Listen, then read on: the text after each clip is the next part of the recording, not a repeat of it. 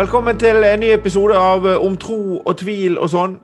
Takk til deg som eh, tar deg tid til å lytte til eh, denne podkasten. Og for deg som lytter, så skal du høre dette her på Soundcloud eller på Spotify eller TuneIn eller hvor som helst. Så skal du vite at det er også mulig å se podkasten. Den finnes både på YouTube og på Facebook. Da søker du bare på David Genius, og da skal du finne både Facebook-side og YouTube-kanal og alt mulig. Så her kan du både se og høre hvis du ønsker det, og hvis ikke så er det jo helt topp at du har dette med deg i øret et eller annet sted når du er ute og gjør noe annet. Det handler altså om tro. Det handler om eh, tro på mennesker og tro på muligheter. og Henry Ford han sa altså at eh, om du tror du kan, eller om du tror du ikke kan, så har du rett. Og min gamle mormor Mimmi, som jeg kalte hun, hun sa om sin veldig sterke gudstro om jeg tar feil, så har jeg likevel hatt et godt liv, men tenk om jeg har rett. Og Dette er da ord som jeg har gjort eh, til mitt eget, og eh, som ligger til grunn for denne podkasten, som handler om tro på Gud, tro på mennesker, tro på muligheter og tvil på alt det samme. Eh, det står i Paulus brev til filipperne i vers, unnskyld, kapittel 4, vers 13 Alt makter jeg i ham som gjør meg sterk. Og Jeg har hatt noen samtaler, spesielt etter jeg begynte med disse podkastene, der, der, følgende spørsmål kommer i litt ulike kontekster. og det er sånn Jaså, så nå har du blitt en kristen, så nå tror du at resten av livet det er helt eh, problemløst? Nå er det bare smooth sailing herfra og inn i evigheten. Og sånn er det jo selvsagt ikke. Livet det er en reise full av opp- og nedturer, og ikke minst full av friksjon friksjoner. Friksjon, altså friksjon må vi ha for at en, eh, til og med for at en lyspære skal lyse, så må det være friksjon. Så det at Friksjon kan være godt og vondt, men friksjon handler jo også om friksjon mellom mennesker og opplevelser osv. Men det det mer handler om for meg, det er hvor jeg henter styrken min fra når det røyner på. Eh, for jeg tror ikke på en gud som støter vekk eller rydder unna alle utfordringer som vi måtte på, møte på i livet. Jeg tror heller ikke på begrepet curlingforeldre, foreldre som går og rydder vekk alle vanskelighetene barna deres på en eller annen måte skulle støtte på. Jeg tror på en gud som utstyrer meg med verktøy og uh, utholdenhet og muligheter til å overkomme de utfordringene som dukker opp i livet. Og Det er mange eksempler på det i Bibelen. Uh, men kanskje det aller, aller beste det er da Jesus natt til langfredag, når han ble arrestert i Getsemane hage, så visste han hva som skulle skje. Han visste at det som lå foran ham nå, det var ydmykelse og smerte og død og uvisshet og en masse greier. Så han lå altså på kne og ba, og det han sa, det var La denne koppen fare meg forbi hvis det er mulig, men ikke som jeg vil, Herre, men som du vil, din vilje. Og det er kanskje det aller, aller vanskeligste. Det er jo det å slippe taket. Vi mennesker vi er grådig dårlige på å slippe taket. Og det å si at ikke sånn som jeg vil, men sånn som du vil, det er forferdelig vanskelig. Men for meg så har det i hvert fall gjort det mye lettere å håndtere alt det som foregår i livet mitt, når jeg av og til kan trekke meg tilbake og si ikke som jeg vil, men som du vil, og deretter leve i henhold til det. Så derfor starter jeg hver dag med å be Fader vår, og der er det 'Skje din vilje' som i himmelen så på jorden. Skje din vilje. Og så gjør jeg det beste jeg kan ut av hver dag og alle de muligheter jeg har, for å overkomme de friksjonene som vi møter på, på veien. Og så ber jeg av og til den gamle sjømannsbønnen som sier eh, Kjære Gud, gi meg styrke, ikke til at eh, stormen skal forsvinne, men til å komme gjennom på andre siden. Så det handler om, for meg så handler det om å søke støtte. Det handler om å ha et sted å gå til, og det handler om å finne styrke i livet. Hva det handler om for deg, det er helt opp, opp til deg. Dette er ingen eh, misjonering, dette er bare å dele opplevelser og tanker fra min side. Vi har altså en ukentlig eh, konkurranse. Og I hver episode så har vi det, og vi eh, deler ut kaffekrus med logo på. For deg som ser på, så ser du jo nå hvordan koppen ser ut, eller kruset. Skål, forresten. Og eh, Forrige uke så spurte vi hva Salomos byggmester het, og han het Hiram. Og det er det en herremann ved navn Ole-Viggo Lysen som har funnet ut. Så Ole-Viggo, kaffekrus kommer til deg ved første anledning. Takk for at du svarte på konkurransen. Og eh, i denne ukes konkurranse så skal jeg vite hvilken av disiplene hadde tilnavnet Tvileren. Hvilken av disiplene i Bibelen hadde tilnavnet Tvileren? Vet du det, så sender du en e-post til davidalfrakrøllgenius.no. Davidalfrakrøllgenius.no. Her kan du også sende inn forslag til gjester og ønskede temaer jeg skal ta opp, og ros og ris. Alt sammen. David.genius.no kan brukes til så mangt. En av de eh, faste postene i programmet her, det er også Salomos ordspråk. Og eh, Salomos ordspråk inneholder uendelig mye visdom. Og noe av det mest interessante er jo at det gjenspeiler at mennesker sleit med akkurat de samme utfordringene og problemstillingene for 3000 år siden som vi gjør i dag. Dagens tekst er absolutt et eksempel på det, og er hentet fra Salomos ordspråk kapittel 9, vers, unnskyld, kapittel 10, vers 9. Og der står det Den som vandrer uklanderlig, vandrer trygt. Den som går krokveier, blir oppdaget. Integritet er å gjøre det rette selv når ingen ser deg. Og jeg pleier å si at eh, jeg ønsker å handle rett i enhver situasjon. Det er ikke sikkert jeg gjør det. Eh, men jeg gjør så godt jeg kan, fordi at eh, til syvende og sist er det meg som skal sove med meg om natten. Og hvis jeg ligger og ikke får sove for jeg grubler på alle de tingene jeg burde, burde ha gjort annerledes, eller alt jeg må holde rede på som jeg har eh, tatt noen halvsannheter om i løpet av dagen, så får jeg ikke sove. Eh, livet er mye enklere om vi bare har én versjon. Om vi sier sannheten og forholder oss til den. Om vi hele tiden skal pynte på alt vi viser frem, og alt vi forteller og alt vi snakker om, så, så ender vi opp med å leve på bekostning av oss sjøl. Det er mye bedre å være ærlig. Og Noen ganger så er ærlighet fryktelig ubehagelig, både for den som er ærlig, og for den som blir utsatt for ærligheten. Men på den annen side så er det kanskje å med å rive av et plaster. Hvis du tyner og piner av dette plasteret, så er det vondt lenge. Og Hvis du kommer med løgner og halvsannheter, og det blir oppdaget etterpå, så er det vondt lenge. Men hvis du sier det du mener der og da, så blir det en eh, mye hyggeligere opplevelse sånn etter hvert. For ikke å snakke om hvor anstrengende det er å gå rundt i livet og måtte huske på alt man har sagt og fortalt ulike versjoner til ulike mennesker. Da kan eh, det fort gå i ball for alle.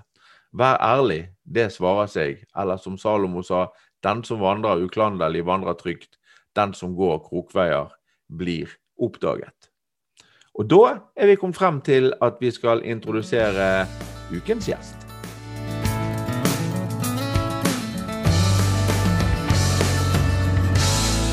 Da sitter jeg her med ukens gjest. Han, han heter Jan Bygstad. Han er prest i den evangeliske lutherste, det evangeliske lutherste, lutherske kirkesamfunn. Eh, og eh, Han har tidligere vært prest i Den norske kirken, samt eh, vært ansatt i Bergen Indremisjon og ved Bibelskolen på Bildøy. Når vi søker på internett, så står det at Bygstad er en mye brukt forkynner i ulike sammenhenger, i inn- og utland. Men for meg så er Jan først og fremst presten som konfirmerte meg i Domkirken i Bergen en gang i det forrige årtusen. en mann med tydelige meninger og stor kunnskap. Men om du, Jan, skal beskrive deg sjøl, hvem er du? Ja, hvordan skal man beskrive seg sjøl? Eh, som du har sagt, jeg er prest. Og det er jo det som på en måte eh, styrer liv og hverdag. For det å være prest det er ikke en jobb. Det er eh, et liv, og det er en livsstil. Mm. Ellers så er jeg bergenser. Vokste opp på Landås. Eh, har vært gift med Kjersti i 42 år frem til hun døde av kreft for tre år siden. Vi har to barn, og etter hvert er det kommet til uh, tre barnebarn. Det er sånn litt av de I hvert fall de ytre fakta, i hvert fall. Og så må jeg jo da spørre deg, det å være prest er ikke en jobb, det er en livsstil. Eh, så hvordan står det til med ditt forhold til Gud om dagen? Tja, si det. Eh, det er fristende å svare sånn som eh, den gamle predikanten Einar Lundby svarte i våre dager.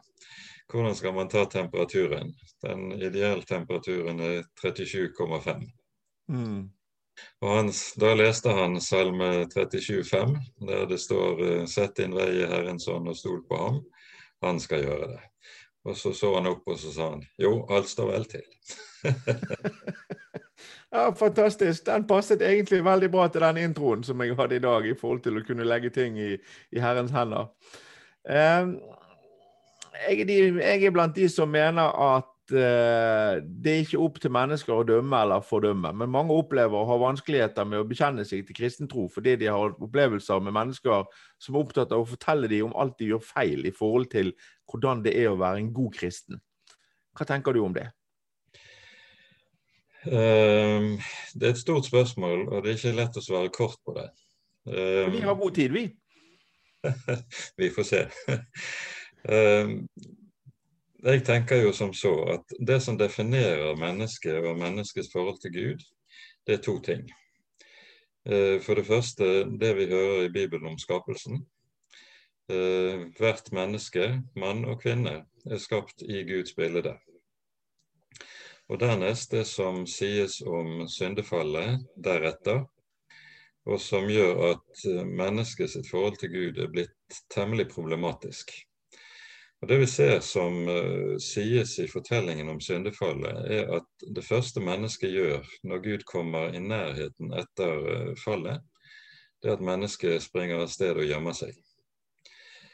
Uh, og Det sier to ting om det grunnleggende i gudsforholdet. For det første, eh, sånn som Bibelen beskriver mennesket, så er mennesket ikke en skapning som er på leting etter Gud.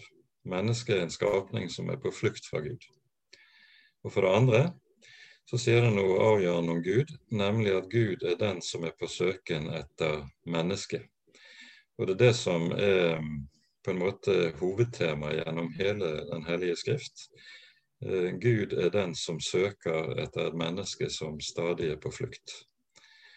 Ehm, og når mennesker er på flukt for Gud, så er det nettopp fordi de er akkurat som små barn. Vet at de har gjort noe galt.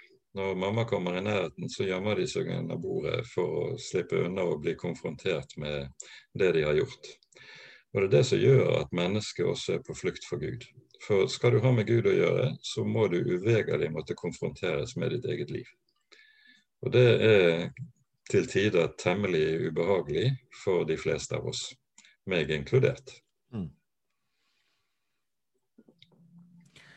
Ja, her er det så mye å gripe fatt i, at det, men, men det er jo, jeg tror vel aldri jeg har hørt dette forklart så tydelig i hvert fall for meg. Dette, dette snakker jo, det setter jo masse masse tanker eh, i gang eh, med en gang. Og jeg, En av de tingene som jeg har tenkt på og snakket om med andre òg, det er jo akkurat det at det nytter ikke altså Du kan ikke være utenpå kristen. Det var jo en av de tingene som, som jeg kjempet med når jeg skulle gi meg over. Det var at liksom de miljøene jeg var i, de menneskene jeg omgikk osv. Hvordan kan jeg tørre å stå frem og, og si, komme ut som, som, en kristen, liksom. Sant? Det tar ikke seg ut i disse miljøene. Men så, og så var det da dette her med fordømmelse av andre mennesker og holdninger osv. Men så gikk det jo da opp for meg at det handler om meg og Gud. Det handler, om, det handler ikke om at jeg skal gå via andre mennesker til Gud. Det handler om at jeg må få et forhold til å tørre å gi meg over eh, til noe som er større enn meg sjøl. Um, ehm, hvis du fikk muligheten til å spørre Gud om noe, hvis du som, som, er en av de som skal prøve å lede andre mennesker på den rette veien, hvis du fikk anledning til å stille Gud et direkte spørsmål, hva ville du ha spurt han om? Den er en hard nøtt, og jeg er ikke helt sikker på hva jeg ville svart på det spørsmålet. Ehm, for det første er det noe sånn at ehm, det som er gitt oss i Bibelen, det er alt det vi trenger å vite til, til for, som det sies i i de gamle bekjennelsesskrifter. Alt vi trenger til liv og salighet, det er gitt i Den hellige skrift. Mm. Så jeg trenger egentlig ikke å vite så veldig mye mer når det gjelder de avgjørende tingene enn det. Men eh, det er jo et annet som melder seg her i livet, da. Som jeg syns kan være ganske plagsomt å forholde seg til. Og det som er aktuelt for mitt vedkommende nå, da, det er at vi har en del uh, flyktninger i vår menighet som uh, norske utlendingsmyndigheter ønsker å få ut av landet så fort som mulig. Fordi de ikke tror på historiene deres. Og jeg kunne ha lyst til å spørre Gud hvorfor han ikke kan få gjort noe med norske utlendingsmyndigheter. Og den eh, problematikken der. mm. Det er jo litt interessant. Jeg leste et eller annet sted, jeg husker ikke hvor det var, men at den, den religionen som er den mest Altså de menneskene som tilhører den religionen som er mest forfulgt i verden i dag, det er faktisk de kristne. Det er de som har vanskeligst kår mange steder. Det er helt riktig. Ehm, men eh, det er jo mange forskjellige tall på det, og det er ikke alltid så lett å verifisere det. Men man regner grovt sett med at kanskje 100 000 kristne drepes årlig pga. sin tro.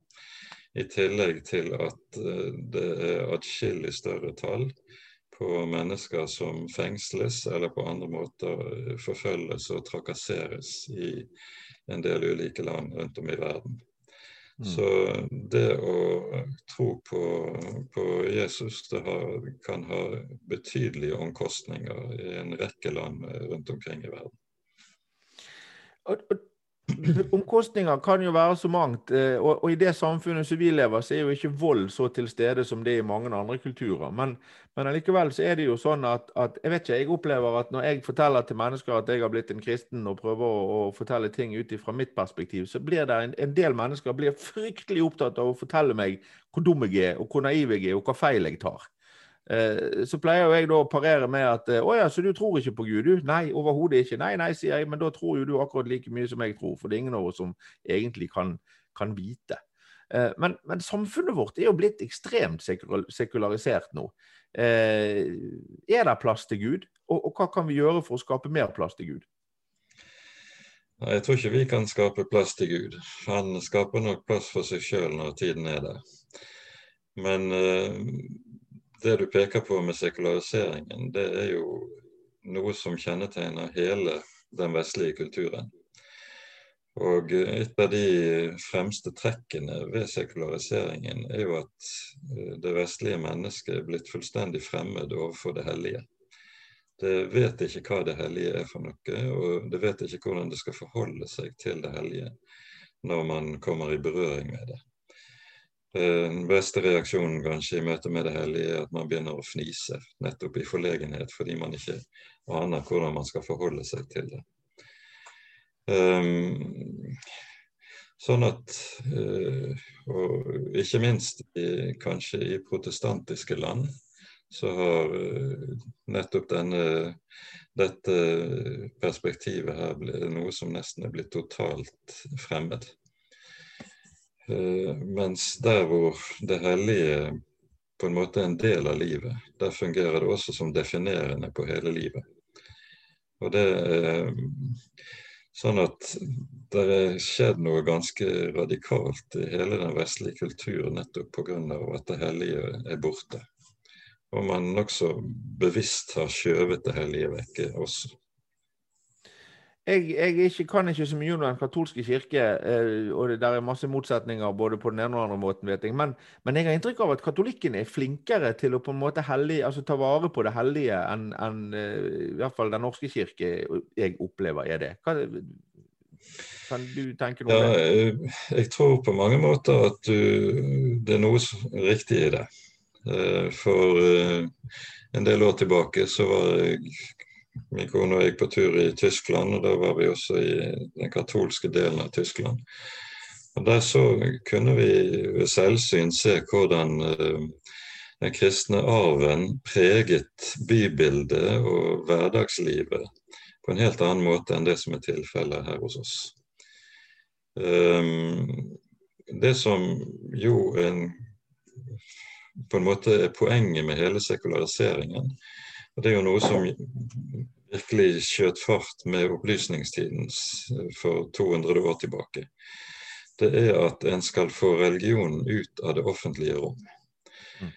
Og eh, når religionen skal ut av det offentlige rom, så er poenget at religion dermed gjøres til en privatsak og kun skal befinnes der. Og Det er jo blitt et kjempeproblem nå i, med innvandringen som er kommet uh, de senere år for uh, flyktninger og innvandrere som kommer hos oss. Fordi uh, det at religionen ikke skal eksistere i det offentlige rom, det er et totalt fremmed tanke. Og det er jo noe av det som eh, også er med å skape problemer i forhold mellom eh, innvandrere og deres måte å tenke på, og det som er vanlig i det norske samfunn, f.eks. Ja, men så har vi vel også innvandrere som kommer som hører til andre religioner, som da får helt åndenød av at det er, der er kristne symboler som er synlige og tydelige. Det har vi også eksempler på. Ja, det har vi. Men Eh, i all hovedsak så, så, ser vi jo ofte at muslimer som f.eks. kommer, de har større respekt for at eh, kristne som markerer seg offentlig, enn kristne som bare gjemmer seg vekk fordi alt sammen bare skal være en privatsak. Ja, kanskje, kanskje, man kan si det sånn at de har sannsynligvis mer respekt for mennesker som tror, enn mennesker som ikke tror, i forhold til at troen deres er så sentral i deres kultur. Ja.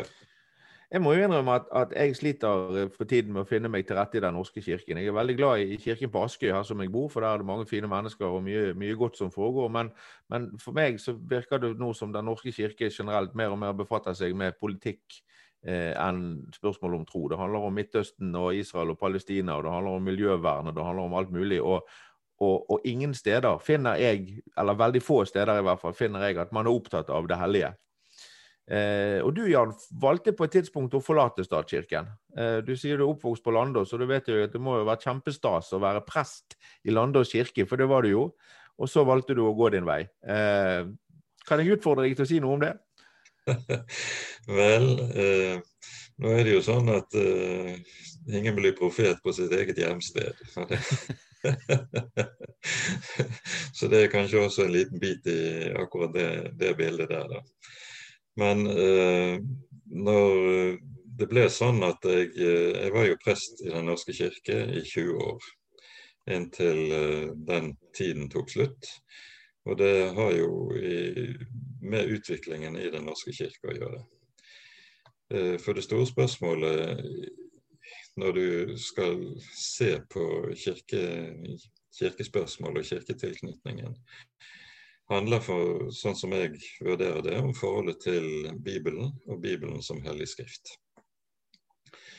Jeg skrev en artikkel for ikke så lenge siden der jeg tar opp dette spørsmålet. For Eh, under reformasjonen så var det jo sånn at etter at Luther hadde slått opp de 95 tesene, så ble han krevet til regnskap for Og i 1519 så møtte han opp til en disputas i Leipzig, der han møtte en skarpspådd eh, katolsk teolog som het Johan Eck. Og eh, Eck tvinger Luther til å ta konsekvensen av det han hadde skrevet. Og En av konsekvensene var at Luther måtte si ifølge Bibelen så har både paven og kirkemøtene eller konsilene tatt feil. Mm. Og Dermed så står du overfor den problematikken at du har Bibelen på den ene side og Kirken på den annen side. Og Så blir spørsmålet hva er forholdet mellom de to? Skal Bibelen bøye seg for Kirken og det Kirken sier, eller skal Kirken bøye seg for Bibelen og det Bibelen sier? Det er grunnproblemet. Um, og Den lutherske reformasjonen sprang jo da ut av at Bibelen skal og må være øverste autoritet i den kristne kirke. Ingen andre autoriteter kan korrigere Bibelen eller uh, få Bibelen til å bøye seg for det som uh, man måtte synes til de ulike tider. Og Det er i grunnen den problematikken som har vært styrende når jeg har forlatt Den norske kirke. Fordi så langt jeg kan begripe det, så er det flere og flere områder der Den norske kirke forlater det som er Bibelens budskap, og erstatter Bibelens autoritet med sin egen autoritet.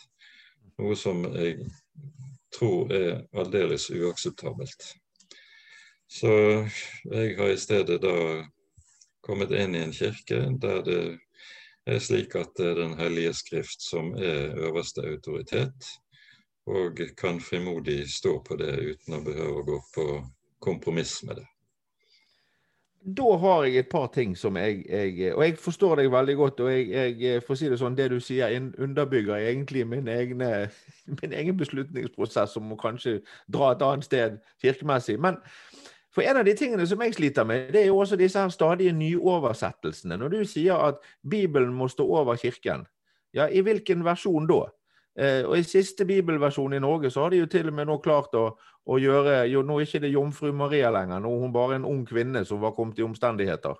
Eh, eh, og, og, og, liksom, sånn som For meg så er jo det i Nytestamentet hvis det er de to tingene som, som du må lære deg å tro på, som er vanskelig, vanskelig, å akseptere, men man må lære seg å tro på, så er jo det jomfrufødsel og oppstandelsen fra de døde. og Hvis ikke man kan klare å, å, tro på det, så er det mye som detter sammen av resten av budskapet. men men når da, noen oversetter en bibel og sier at uh, hun er ikke jomfru lenger, og, og, disse stadige nye utvanningene av Fader vår Jeg foretrekker jo 1930-utgaven definitivt i forhold til den også utvannede som Når jeg sier 'la din' i dag når du skal be Fader vår, så er du plutselig da er du åpen for tolkning. Så, så det er litt interessant når du sier at Bibelen skal stå over Kirken, men da i hvilken oversettelse?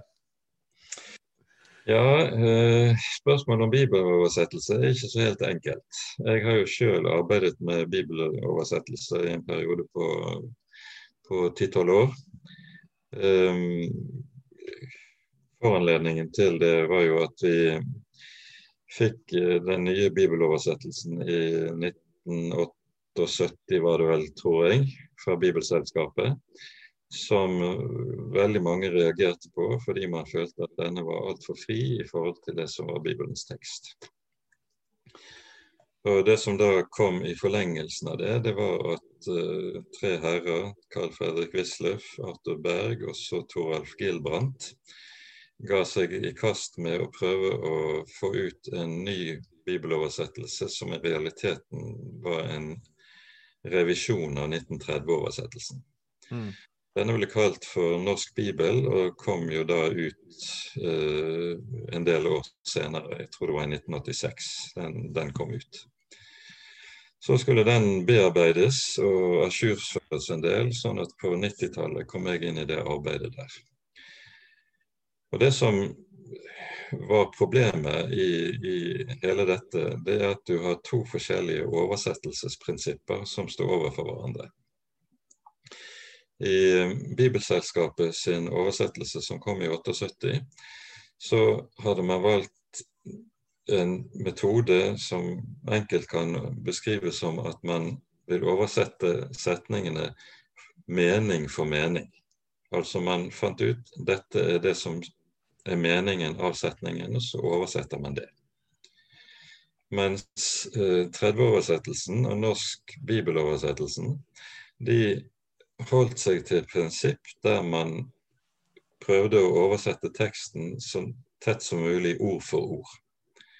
Det er ikke alltid mulig, fordi hebraisk og gresk språk er en del forskjellig fra, fra, det norske språket. Men i hvert fall å ligge så tett som mulig opp til det som er ordlyden i grunnteksten. Problemet med den mening for mening-oversettelsen er at da sier man egentlig at Sånn tolker vi teksten. Man finner ut at hva som er teksten, hvorledes man forstår teksten. Og der vil mening for mening-oversettelsen den vil i realiteten gi en fortolkende oversettelse. Sånn at bibeloversetteren i realiteten står imellom det som er teksten, og leseren. Mm. Og forteller leseren sånn forstår vi teksten. Og det er et problem. Og Derfor var det du fikk en som heter Norsk bibel, som prøvde å holde på det gamle prinsippet. Der en også valgte at ok, det er bibelvers som står der som er veldig vanskelig å forstå. Og så prøvde man ikke å fortolke de bibelversene, verken den ene eller den andre med betydning, men lot det vanskelige i teksten stå fordi teksten var vanskelig, ok, så skulle leseren også stå overfor det som var det vanskelige i teksten. Fordi det som var det viktigste, var å prøve å gjengi den originale teksten så tett som mulig. Og Det er jo det Det er jo den måten å tenke på som jeg også finner naturlig. at eh, der Bibelen er vanskelig, OK, da får vi ta de vanskene, og ikke prøve å hjelpe bibelleserne med noe som vi tror kan være riktig, men som man slett ikke det slett ikke gitt er den riktige forståelsen av en tekst. Det der, er, det der er, er, helt i tråd med mye av det som jeg tenker både om dette og andre ting. Fordi at Eh, jeg har snakket tidligere om, om begrepet curlingforeldre. Altså foreldre som går foran barna sine og rydder vekk alle vanskeligheter eh, med kost og, og, sånn. Og så har jeg prøvd å si noe om at jeg tror ikke Gud er sånn heller. Jeg tror ikke at Gud er sånn som går foran oss med kost og feierbrekk og rydder opp alle vanskeligheter. Men han utstyrer oss da forhåpentligvis med de verktøyene vi trenger, enten for å holde ut det som vi er satt i, eller for at det skal gå over. Eh, og da er det klart at hvis det da er vanskelig å forstå Bibelen, så det føyer seg egentlig inn i den kulturen som vi da har nå, at alt som er vanskelig, skal ryddes bort. Alt som var dumt i historien, skal gjemmes vekk. Alle statuer av folk vi ikke liker, de skal vi rive ned. Og Møhlenpris må vi døpe om fordi at uh, han som er oppkalt etter, eide en slavebåt på 1600-tallet. Så det, det, ligger kanskje litt i den samme uh, kulturen, da, at det som er vanskelig i Bibelen, det må vi bare prøve å skyve litt unna, og så vi, beholder vi den lettvinte varianten. Ja, jeg tror nok du langt på vei har, har rett. For Det som har med bibelforståelse å gjøre, det er, det er jo et, egentlig et kjempestort felt. Fagfeltet heter hermeneutikk, som egentlig betyr læren om tolkning. Mm. Men sånn som Den kristne kirke alltid har tenkt om dette her, så er det grunnleggende i bibelforståelse er jo i første omgang rett og slett at vi forstår ikke Den hellige skrift uten Den hellige ånd. Ehm, og for det andre så er det gitt bestemte tolkningsnøkler til Bibelen som også er nødvendig å ha i minne når en skal arbeide med en bibeltekst. F.eks. en av de viktigste tolkningsnøklene eller tolkningsreglene handler jo om at enhver tekst må forstås i sin sammenheng. Du kan ikke ta et bibelvers og rykke det løs fra sammenhengen og si at ja, sånn står det i Bibelen. Og så viser det seg, hvis du leser det i, i, sin sammenheng, så betyr det noe helt annet enn det man vil si. Vi har jo det typiske eksempelet på det når djevelen skal friste Jesus i ørkenen og plukker ut et uh, ord fra Salmenes bok og gir det en innholdsmessig mening som er stikk imot det som ellers er tekstens mening. Og Dette er noe som, som uh, ofte er en fristelse, at man siterer Bibelen for å ta, kunne ta Bibelen til inntekt for egne meninger. Uh, mens man, det man da i realiteten gjør, det er at man river teksten løs fra sammenhengen, og så får den en helt annen betydning enn det som er, står i den bibelske sammenheng. Jeg leser eh, daglig i Bibelen. Jeg er på vei gjennom nå for eh, fjerde gang eh, på rad. Jeg har sånn, sånn årlig leseplan som da legger opp til at jeg leser noen kapitler i Gamle testamentet, og no, noe i Det nye testamentet, og noe fra salmene hver dag. Eh, og det, det, starter jeg dagen med. Og så har jeg lest noen forskjellige bibeloversettelser. Jeg har ikke vært borti den norske bibelen, så du, eh, den, den, skal jeg definitivt skaffe meg fortere enn svint. Men eh, jeg opplever altså at Bibelen er mye rikere for meg å lese på engelsk enn på norsk. Har du noen tanker der? Det er jo eh, en rekke ulike oversettelser på engelsk, mange flere enn vi har på norsk. King James-versjonen er det jeg leser. King James, det er jo den uh, uh, oversettelsen som av veldig mange regnes som selve grunnteksten. mm. Men der også er det jo komplisert språk innimellom, for all del. Ja, for all del. Mm. Og uh, det er jo et gammeldags språk. Det er jo England på 1600-tallet som taler i King James-oversettelsen. Eh, nå finnes det jo en revidert King James-oversettelse som har prøvd å oppdatere språket til en litt mer dagsaktuelt språk. da. Men eh, det er jo en mengde veldig spennende oversettelser på, på engelsk. Og eh, jeg syns jo det har vært spennende å bli kjent med de, sen de senere år. Eh, noe som heter The Jewish Annotated New Testament. Altså et uh, Nytestamentet som er oversatt av jøder, og som med sine jødiske briller og med sin jødiske bakgrunn leser teksten.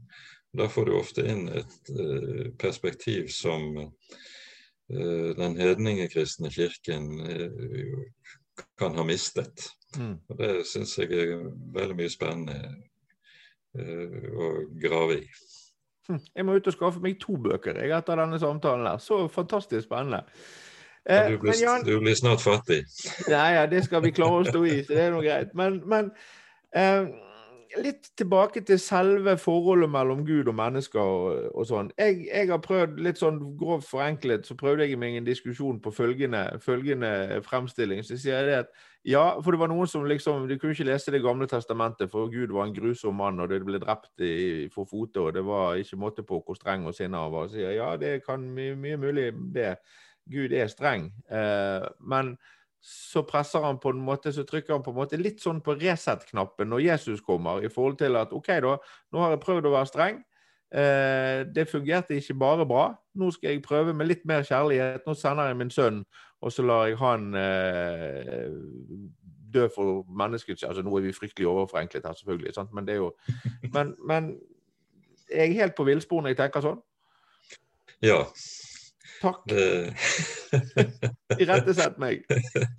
Du, eh, du vil selvfølgelig finne veldig mange som vil være enig med deg. Men eh, sånn som jeg tenker om dette, så eh, er det slik at det er den samme Gud du møter i Det gamle og Det nye testamentet. Og Derfor er det også en eh, innholdsmessig og saklig enhet mellom Det gamle og Det nye testamentet som er helt uoppløselig. Så er det forskjeller mellom Det gamle og Det nye testamentet. Uh, en av de grunnleggende forskjellene er jo at uh, når vi møter Israel i Det gamle testamentet, så er Israel en nasjonalstat.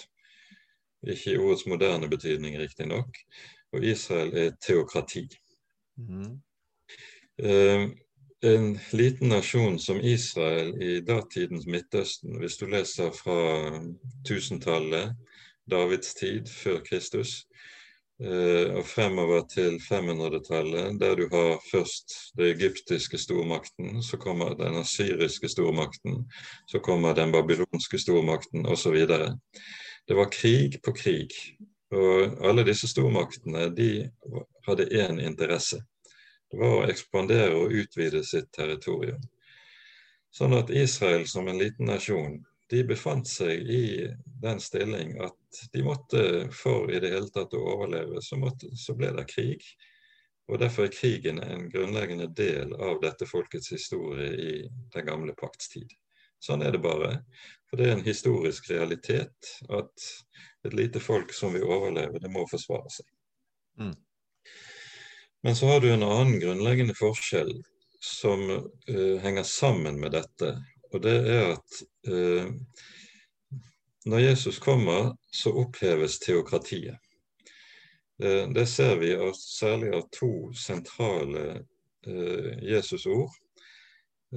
Det ene når Jesus står for Pilatus og forhøres. Og Pilatus sier 'Er du jødenes konge?' Eh, og Jesus svarer 'Mitt rike er ikke av denne verden'. Var mitt rike av denne verden, da ville mine tjenere kjempet for meg for at jeg ikke skulle bli overgitt til deg. Men nå er mitt rike ikke av denne verden. Eh, og dermed så har Jesus eh, så å si avskaffet teokratiet. Eh, det at Guds rike er knyttet til en bestemt nasjon og til en bestemt stat. Eh, sånn at eh, Guds rike med Kristi person, det er et åndelig rike som ikke eh, dermed skal, skal, eller kan forsvares med våpenmakt. Eh, noe Jesus jo sier uttrykkelig i dette ordet til eh, Pilatus. Den kristne kirkes historie har på mange måter blitt ganske annerledes fra Konstantin men det er en annen, annen historie. Så Jesus opphever teokratiet. Eh, og dermed så blir alt det som kjennetegner eh, statsmakter, noe som blir et fremmedelement i det Guds rike som Jesus oppretter. Um, og dermed så kommer helt andre Så å si en helt annen type lovmessighet til å skulle måtte gjøre seg gjeldende i Guds rike. Uh, der det ikke er våpen og maktbruk som gjelder, men helt andre ting. Um, dette kommer til uttrykk på flere områder i Jesu liv. Uh, vi har jo denne kjente fortellingen om synderinnen i Johannesevangeliets åttende kapittel.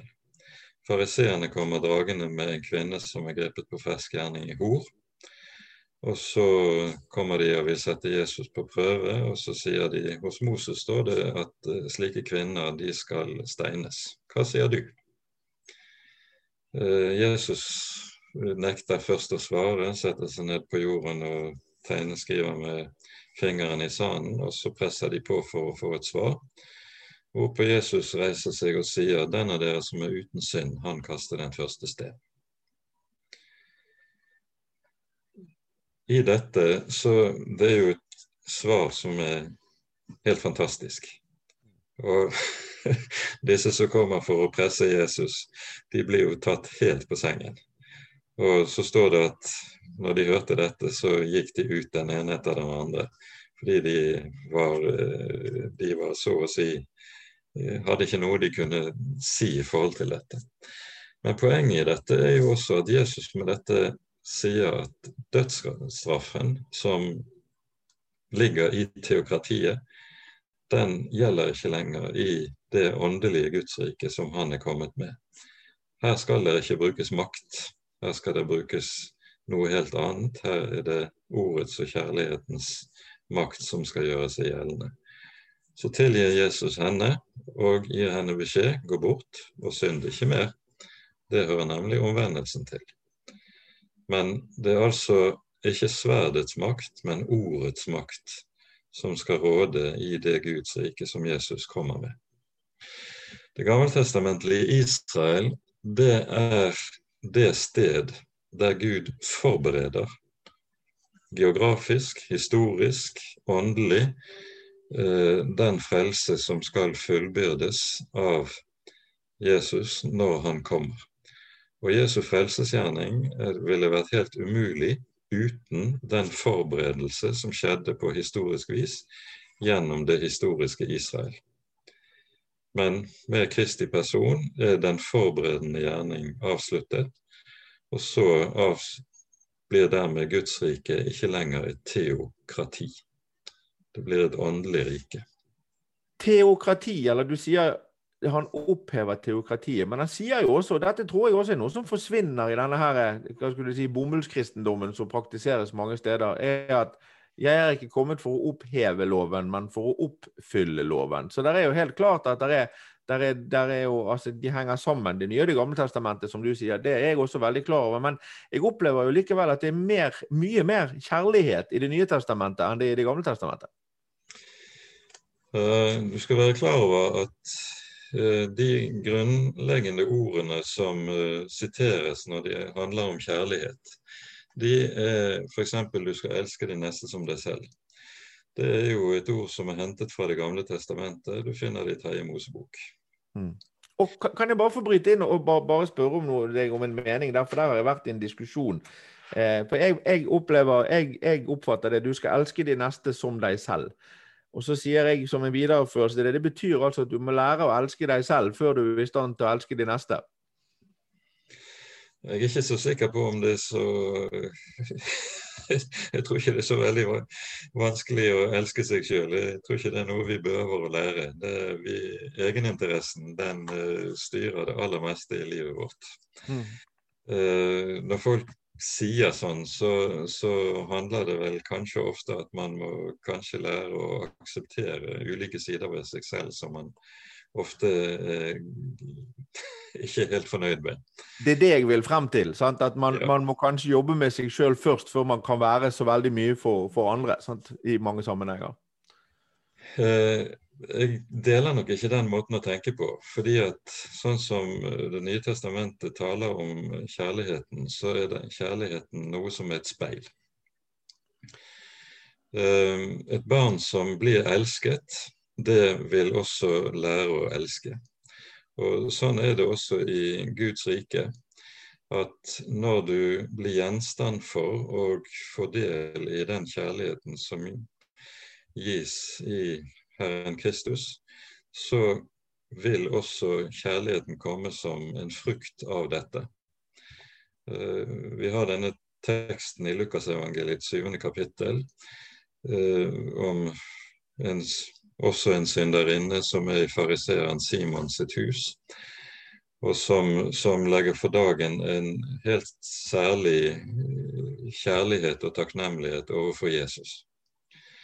Og så sier Jesus om henne at den som er meget tilgitt, elsker meget. Mm. Der blir kjærligheten altså en frukt av at den er blitt møtt med nåde, tilgivelse, kjærlighet. Og så sier Jesus at like som jeg har elsket dere, skal dere elske hverandre. Og Derfor kjærligheten, slik som Det nye testamentet taler om det, det er en speiling av at vi selv blir gjenstand for å få lov til å oppleve Guds kjærlighet.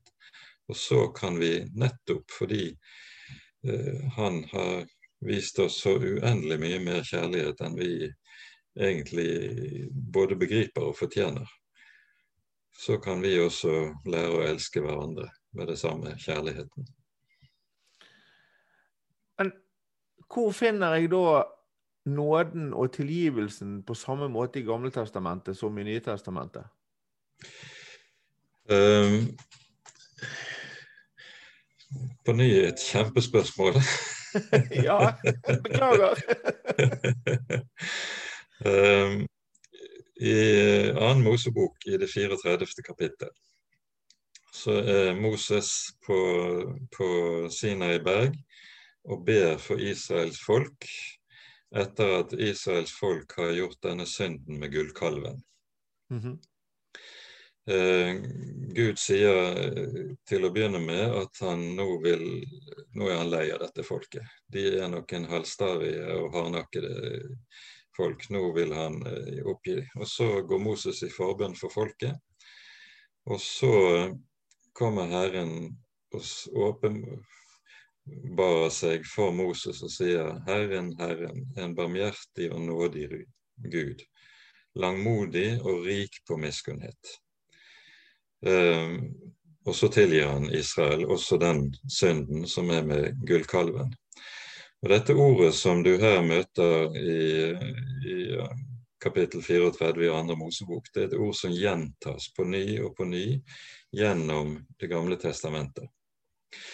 Problemet er at Israels folk på ny og på ny eh, dumper ned i en del av de samme tingene som skjer med, is, med gullkalven. Mm. Og pådrar seg naturlig nok Guds dom over dette. Men tilgivelsen som Israel får del i der med gullkalven, den møter folket også på ny og på ny. Eh, Guds tålmodighet har en grense, og den grensen overskrider folket ved flere anledninger og må da ta konsekvensen av det. Men leser du f.eks. om, om uh, Davids synd, uh, som vi hører om det i Samuelsbøkene, og hans eh, botsalme i Salme 51, så møter du akkurat den samme nåde, akkurat den samme kjærlighet som David får oppleve i tilgivelsen, som du finner hos Kristus i Det nye testamentet. Så du møter akkurat de samme tingene i, hos disse personene og skikkelsene i Det gamle testamentet som en grunnleggende side av budskapet i Det nye testamentet. Dette tror jeg veldig veldig mange flere enn meg har uh, godt av å høre på. For, Når du sier de tingene, så åpner det jo øynene mine også for at den første tilgivende handlingen skjer jo da sannsynligvis etter at Adam og Eva har spist av treet. For de blir jo, selv om de blir kastet ut av hagen, så de blir jo tilgitt. For de fortsetter jo å leve, og de får jo alle muligheter av det, nær sagt. sant? De, det er helt riktig. Og det sies også at Adam eh, i slutten av det fjerde kapittelet i, i første Mosebok, så hører vi at om hvordan Adam og Eva starta det som har vært kalt den første offentlige gudsdyrkelse. Mm. Det står at på den tid begynte Adam og Eva å påkalle Herrens navn. Og eh, språkbruken i dette er en språkbruk som anvendes om egentlig om offentlig gudsdyrkelse. Så hos de finner du det, så å si den første offentlige gudstjenesten. Ja, dette har vært eh, en fantastisk stund og utrolig lærerikt. Og jeg nok, Du er herved varslet om at jeg helt sikkert kommer til å invitere deg til å være gjest i denne podkasten flere ganger. Og neste gang skal jeg ha enda flere dype spørsmål som krever lange svar. Hvis du har lyst til det. Ja, hvis det ikke er blitt altfor svett i ørene, så skal det la seg gjøre. Nei, dette var, dette var grådig kjekt. Jeg må spørre deg. Ehm, jeg pleier, Noen ganger når jeg har hatt prester med, så har jeg utfordret de, og ellers når jeg har hatt si, vanlige mennesker, eller ja, ikke-ordinerte mennesker med, så har jeg gjort det sjøl. Men jeg pleier å like å avslutte podkastene mine igjen i min, min, mormors ånd, som sa at der troende mennesker er samlet, der bør man alltid avlyse, avslutte ved å lyse velsignelsen. Eh, så da har jeg lyst til å utfordre deg til å gjøre det når vi nå er, er kommet til slutten. Men, men før, før, jeg ber deg om å gjøre det, så må jeg rett og slett få lov å si tusen takk for at du tok deg tid til å være med, Jan. Eh, og så må jeg eh, si takk til min sønn, som er den som styrer spaker og knapper oppi dette. Og så må jeg si til deg som lytter på eller ser på, at har du innspill og kommentarer til det jeg driver med i disse podkastene, så er det altså David Alfakrøll Genius som gjelder som tilbakemeldingstekst. Og, og nok en gang, eh, Jan, takk for at du kom, og, og takk for at du har vært med oss. Ja, takk for at jeg fikk være med. Og så lyser vi velsignelsen til slutt. Herren velsigne deg og bevare deg. Herren la sitt ansikt lyse over deg og være deg nådig. Herren løfte sitt åsyn på deg og gi deg fred. Amen.